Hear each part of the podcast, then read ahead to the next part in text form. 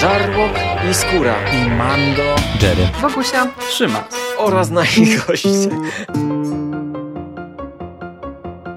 Konglomerat podcastowy. Wasze ulubione podcasty w jednym miejscu. Zapraszamy. Zapraszamy. Zapraszamy. zapraszamy. Zapraszamy.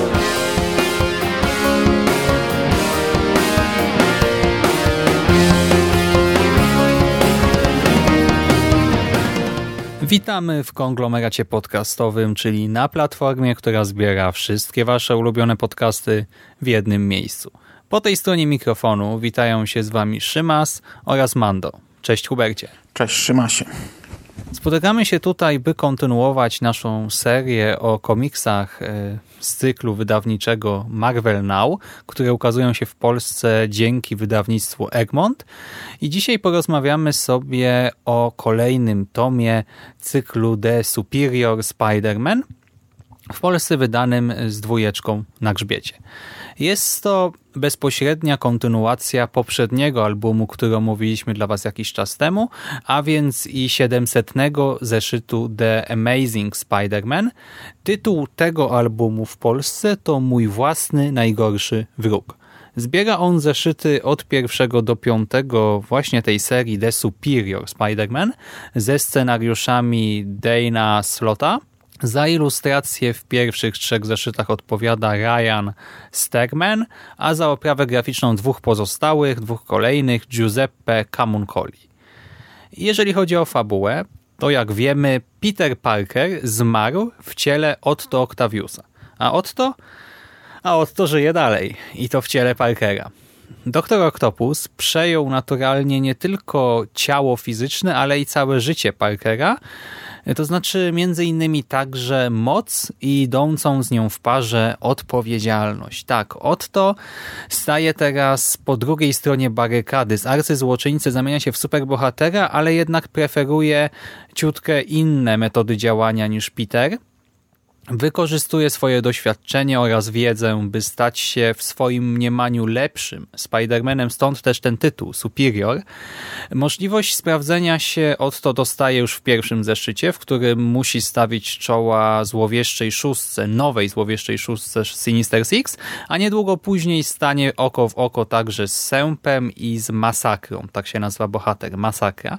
A dodatkowo będzie musiał poradzić sobie także z nieprzewidywalnym J. Jonachem Jamesonem, z podejrzliwą Carlą Cooper oraz z Mary Jane Watson, która wprawdzie niczego nie podejrzewa, tak jak Carla, ale jakoś nie chce ulec wdziękom naszego nowego, odmienionego Parkera. No i to chyba wszystkie wątki, które się tutaj pojawiają. Wszystkie. Mm, po pierwsze, sam Octopus jako Spider-Man. Tutaj można było mnie, mieć mm, różne oczekiwania. Wydaje mi się, że e, twórcy wstrzelili się w środek tych oczekiwań, bo ja, ja miałem skrajne. Albo, mm, że podążymy tą końcówką, gdzie tam w finale pierwszego tomu Oktopus tak jakby taką szybką przemianę przeszedł, yy, wali nam tą przemowę taką, że teraz będzie superbohaterem. No na szczęście tak nie poszło skrajnie, albo że pójdzie to w drugą stronę, że teraz będzie dużo mroczniejszy, dużo cięższy ten Spider-Man. W tę stronę też nie poszło. Ten drugi tom jednak serwuje nam dużo humoru, jest dość lekki. To jest taki wstęp tak naprawdę do kolejnych wydarzeń. Ja nie pamiętam tomu trzeciego, ale jego tytuł e, Kłopoty z głową sugeruje, że tak naprawdę od tomu trzeciego zacznie się, zaczną się jakieś poważniejsze problemy, bo w drugim tomie mamy właśnie potyczki z różnymi bohaterami i próbę e, znalezienia własnej drogi. się w życie. No to też, ale też e, wejście w spodnie Petera Parkera, e, wbicie się w to, e, odnowienie relacji relacji z Mary Jane. Naprawa tych kontaktów z Jamesonem, nie? No, to też, plus jeszcze y, z ciocią May y, jakieś tam są wątki i widzimy tutaj na razie Spidermana, który faktycznie jest jakimś tam superbohaterem, przy czym zupełnie, zupełnie innym. Y, osobą, która z jednej strony postępuje gorzej, bo gdzieś tam, nie wiem, jest brutalniejsza, ucieka z pola bitwy, yy, kalkuluje sobie to wszystko, czyli na przykład, że dzisiaj już uratowałem tyle osób, więc już nie muszę jechać, bo po co? I tak zrobiłem więcej niż Peter jednego dnia, albo na przykład, yy, gdy zasuwa do jakiegoś yy, przestępstwa, mija po drodze gdzieś tam takiej, takich zwykłych szaraków, jakieś tam yy, kieszonkowca jakiegoś i stwierdza, że to jest tam yy, niższego szczeblu przestępstwo, nie ma sensu się zatrzymywać, szkoda czasu, czyli ta, takie w zasadzie kompletne wypaczenie Petera Parkera jako Spidermana, ale z drugiej strony też ulepsza wiele rzeczy i tutaj właśnie Peter sam sobie zdaje sprawę. Najpierw jest zły, że on coś chce zrobić, a potem kurczę, to w sumie ma sens, to nie głupie, czemu ja na to nie wpadłem, nie? Mhm. Tak, bo to cały ten album to takie Marvelowe what if trochę. Zresztą w ogóle oni mają taką serię nawet wydawniczą. Y, czyli co by było gdyby, nie? Co by było gdyby Peter Parker miał mniej skrupułów? Co by było gdyby Peter Parker był w stanie zabić albo przynajmniej okaleczyć przeciwnika? Co by było gdyby Peter Parker nie biegał do każdego przestępstwa za każdą policyjną syreną i tak dalej, i tak dalej? I dlatego ta historia, chociaż ona nadal jest schematyczna jak diabli, nie? To jest po prostu kolejny Spider-Man, y, to historia wciąga, intryguje jakoś tam. Do tego, jak zauważyliśmy, Otto wprowadza do swojego repertuaru e, Spidermana troszkę gadżetów, troszkę nowości, a do tego inaczej obchodzi się nie tylko z przeciwnikami, ale i z rodziną, z MJ, Jamesonem i przez to to jest naprawdę urozmaicenie nie? przygód pajączka i ostatecznie ja to oceniam bardzo na plus, tak fabularnie, jako coś ciekawego. Tak, z MJ to w ogóle tam to jest całkiem fajnie rozpisane, bo tutaj mamy taki szybki przegląd po randkach. Pierwsza randka, wynik negatywny, druga randka, wynik rozczarowujący, albo on e, sam tak. mówi spotkanie z tą Watson nie? i nazywa ją idę do tej Watson, nie? coś czego Peter by raczej nie powiedział, albo jest taka fajna scena, jak oni siedzą e, na kolacji, na randce, są dymki, gdzie ona coś mówi i na te dymki na nałożone są e, ramki z myślami e, no nie Petera, tylko Otto, który tam myśli o sobie. I o biuście. I tak, to, to strasz, bardzo fajne, no to na, na kolejnym tak. kadrze, gdy na nią patrzy, to nie na twarz, tylko jest wykadrowane, wykadrowane od szyi w dół, ale ten jeden e, kadr, ten, ten jeden rysunek, gdzie właśnie te ramki są nałożone na dymki, to jest taki fajny pomysł. W życiu czegoś takiego mm -hmm. nie widziałem. W pierwszej chwili pomyślałem, że to jakiś błądek, bo to, a, a za chwilę zrozumiałem o co chodzi i mi się, mi się japa cieszyła. No a druga rzecz to właśnie ja powiedziałem, że sam Peter analizuje to, co robi Otto i dochodzi do wniosków, że niektóre rzeczy są w sumie całkiem sensowne, no bo właśnie okazuje się, że Peter tak nie do końca zginął. W tym tomie, w chwili, gdy Otto ma przekroczyć pewną granicę, której nie powinien przekroczyć, pojawia nam się jakaś postać Petera, jakiś duch, e, błękitna zjawa, która podąża za e, Spider-Manem, czyli za Octavius i cały czas komentuje jego poczynania. Żaden z bohaterów go nie słyszy. My jako czytelnicy słyszymy jego wypowiedzi. On jest cały czas obok, ale również w pewnym momencie wchodzi gdzieś tam do głowy, y, wchodzi do, do myśli, do wspomnień y, Otto. -hmm.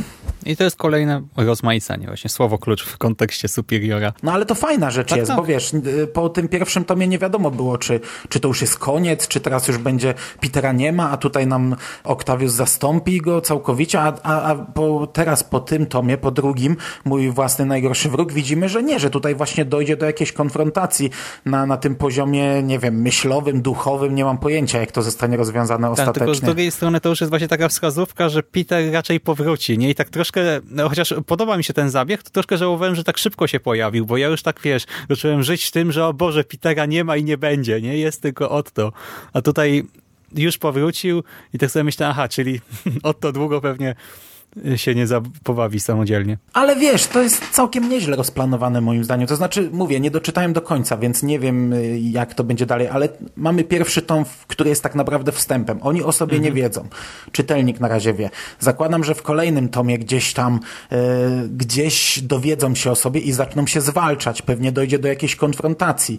E, myślę, że myślę, że to jest ciekawie rozplanowane. Ten pierwszy tom to jest tak naprawdę takie preludium. My tutaj przeskakujemy po kilku dniach nowego Spidermana i widzimy jego walkę z kilkoma przeciwnikami i to mi nawet zabrakło tutaj jakiegoś spuentowania w pierwszej chwili. Doczytałem do końca, ten komiks jest kurczę cholernie cienki. Pięć zeszytów to się bardzo szybko czyta i, i tak mówię, kurczę, już koniec, no a gdzie jakiś, jakiś finał tej historii, a dopiero se wtedy tak wiesz, uświadomiłem, że kurczę, no jaki finał, no przecież to jest tak naprawdę, no ale wiesz, yy, tomy mogłyby mieć jakieś takie zamknięcie, nie? Tutaj Nie. nie ma, to jest tak naprawdę wstęp. Mnie to nie przeszkadza. jest, no mi też nie, po prostu w pierwszej chwili byłem zaskoczony, że to już koniec. E, a to jest właśnie rozplanowana długa historia pocięta na części. Dobra, to chyba o fabule to już wszystko, nie? Co można powiedzieć. To, to teraz przejdźmy do oprawy graficznej. Mamy te trzy zeszyty z oprawą Stegmana i dwa Kamun Colliego. Któreś ci bardziej podeszły? Tak, obaj rysownicy ogólnie zmienili się, to są nowi rysownicy i z tego, co tak na szybko sobie przeglądam, to mniej więcej będą się przewijać do końca. Tam będą dochodzić inni, ale ten duet gdzieś tam e, funkcjonuje do końca z Superiora. E, Pierwsze trzy zeszyty mi się umiarkowanie podobały. To znaczy one fajnie ilustrowały wydarzenia, ale to znów były takie trochę karykaturalne postaci. Nie tak jak e, w pierwszym tomie, gdzie mówiliśmy, że to są takie złe postaci, tak eee, wynaturzona złość wręcz, wręcz na twarzach, nie? Tutaj było odwrotnie, tutaj taka aż wesołość. E, Ja czasami patrząc na tego nowego Petera miałem wrażenie, jakbym nie wiem, jakąś mangę oglądał w stylu, wiesz, Czarodziejki z Księżyca czy coś, bo on bardzo często taki uśmiech dziwaczny robi, gdzieś tam tutaj, wiesz, na tej randce y, się uśmiecha, szczególnie jak jest z Mary Jane, y, to, to, to takie pozy śmieszne i takie miny dziwaczne łapie. Y, w momencie, gdy się zmienili rysownicy, to może nie jest aż tak uderzające, yy, bo tutaj nie mamy tak naprawdę zaznaczone, kiedy zaczyna się Znaczy kolejny przy zeszyt, wątku z a kiedy masakrą, kończy nie? Się poprzedni. zmienia chyba rysunek. No, no, no, tak, ja to zauważyłem, ale też wcześniej sprawdziłem sobie e, przed lekturą, e, za które zeszyty odpowiada który rysownik, także wiedziałem, że mniej więcej, wiesz, w trzech piątych zmieni się e, rysownik, więc tego oczekiwałem, ale kurczę, gdybym nie oczekiwał, to tak od razu by mnie chyba nie rzuciło, chociaż te rysunki są inne, te drugie mi się dużo bardziej podobały. A to bardzo ciekawe, bo powiem ci, że u mnie jest na odwrót. Do mnie odrobinę lepiej, odrobinę bardziej trafiają ilustracje Stegmana.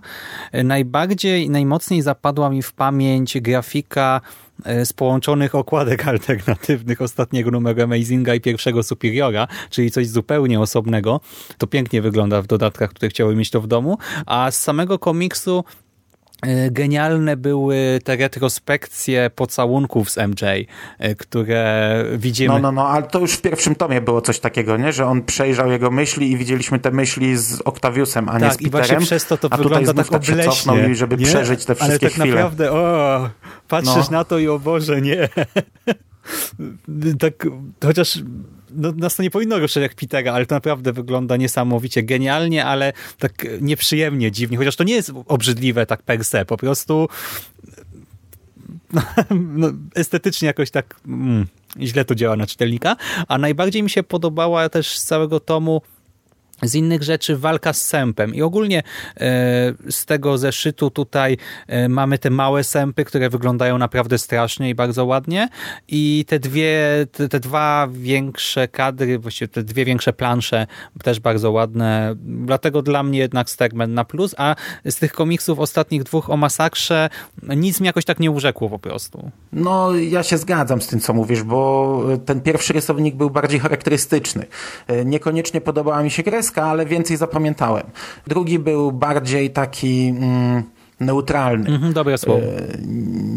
Nie było nic e, na plus, nic na minus, czytało się ok, do masówki pasuje, ale też nic ci w głowie nie zostaje. Czytałem to e, w środku nocy dzisiaj, kilka godzin temu i tak naprawdę nie pamiętam żadnego kadru z tego e, z tych, z tych dwóch kolejnych zeszytów, tych A ostatnich. ja to czytałem nie? miesiąc temu i te sępy mam przed oczami. Teraz przecież komiksu znaleźć nie mogłem, więc mm, wyobraźnia, a nie na papierze. Hmm. To co? To chyba wszystko, co możemy powiedzieć o tym albumie. Dla mnie, tak podsumowując, dobra rozrywka, chętnie poznam ciąg dalszy. Yy, To nie jest właśnie, nie, nie chcę powiedzieć średniak, bo to jest lepsze od średniaka, tak? To naprawdę jest dla mnie dobra rozrywka i mam nadzieję, że kolejne zeszyty, kolejne albumy też nie zawiodą. A porównując do poprzedniego, to bardziej ci się podobał czy mniej? Mm, chyba bardziej. Mi też chyba bardziej.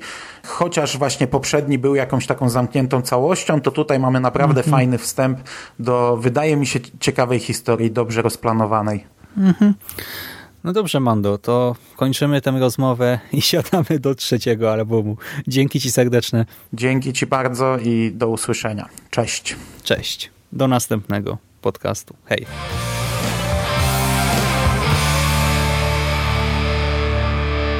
You finished? That's it, man. Game over, man. It's game over. What the fuck are we gonna do now? What are we gonna do? It's over. Nothing is over. Nothing. You just don't turn it off.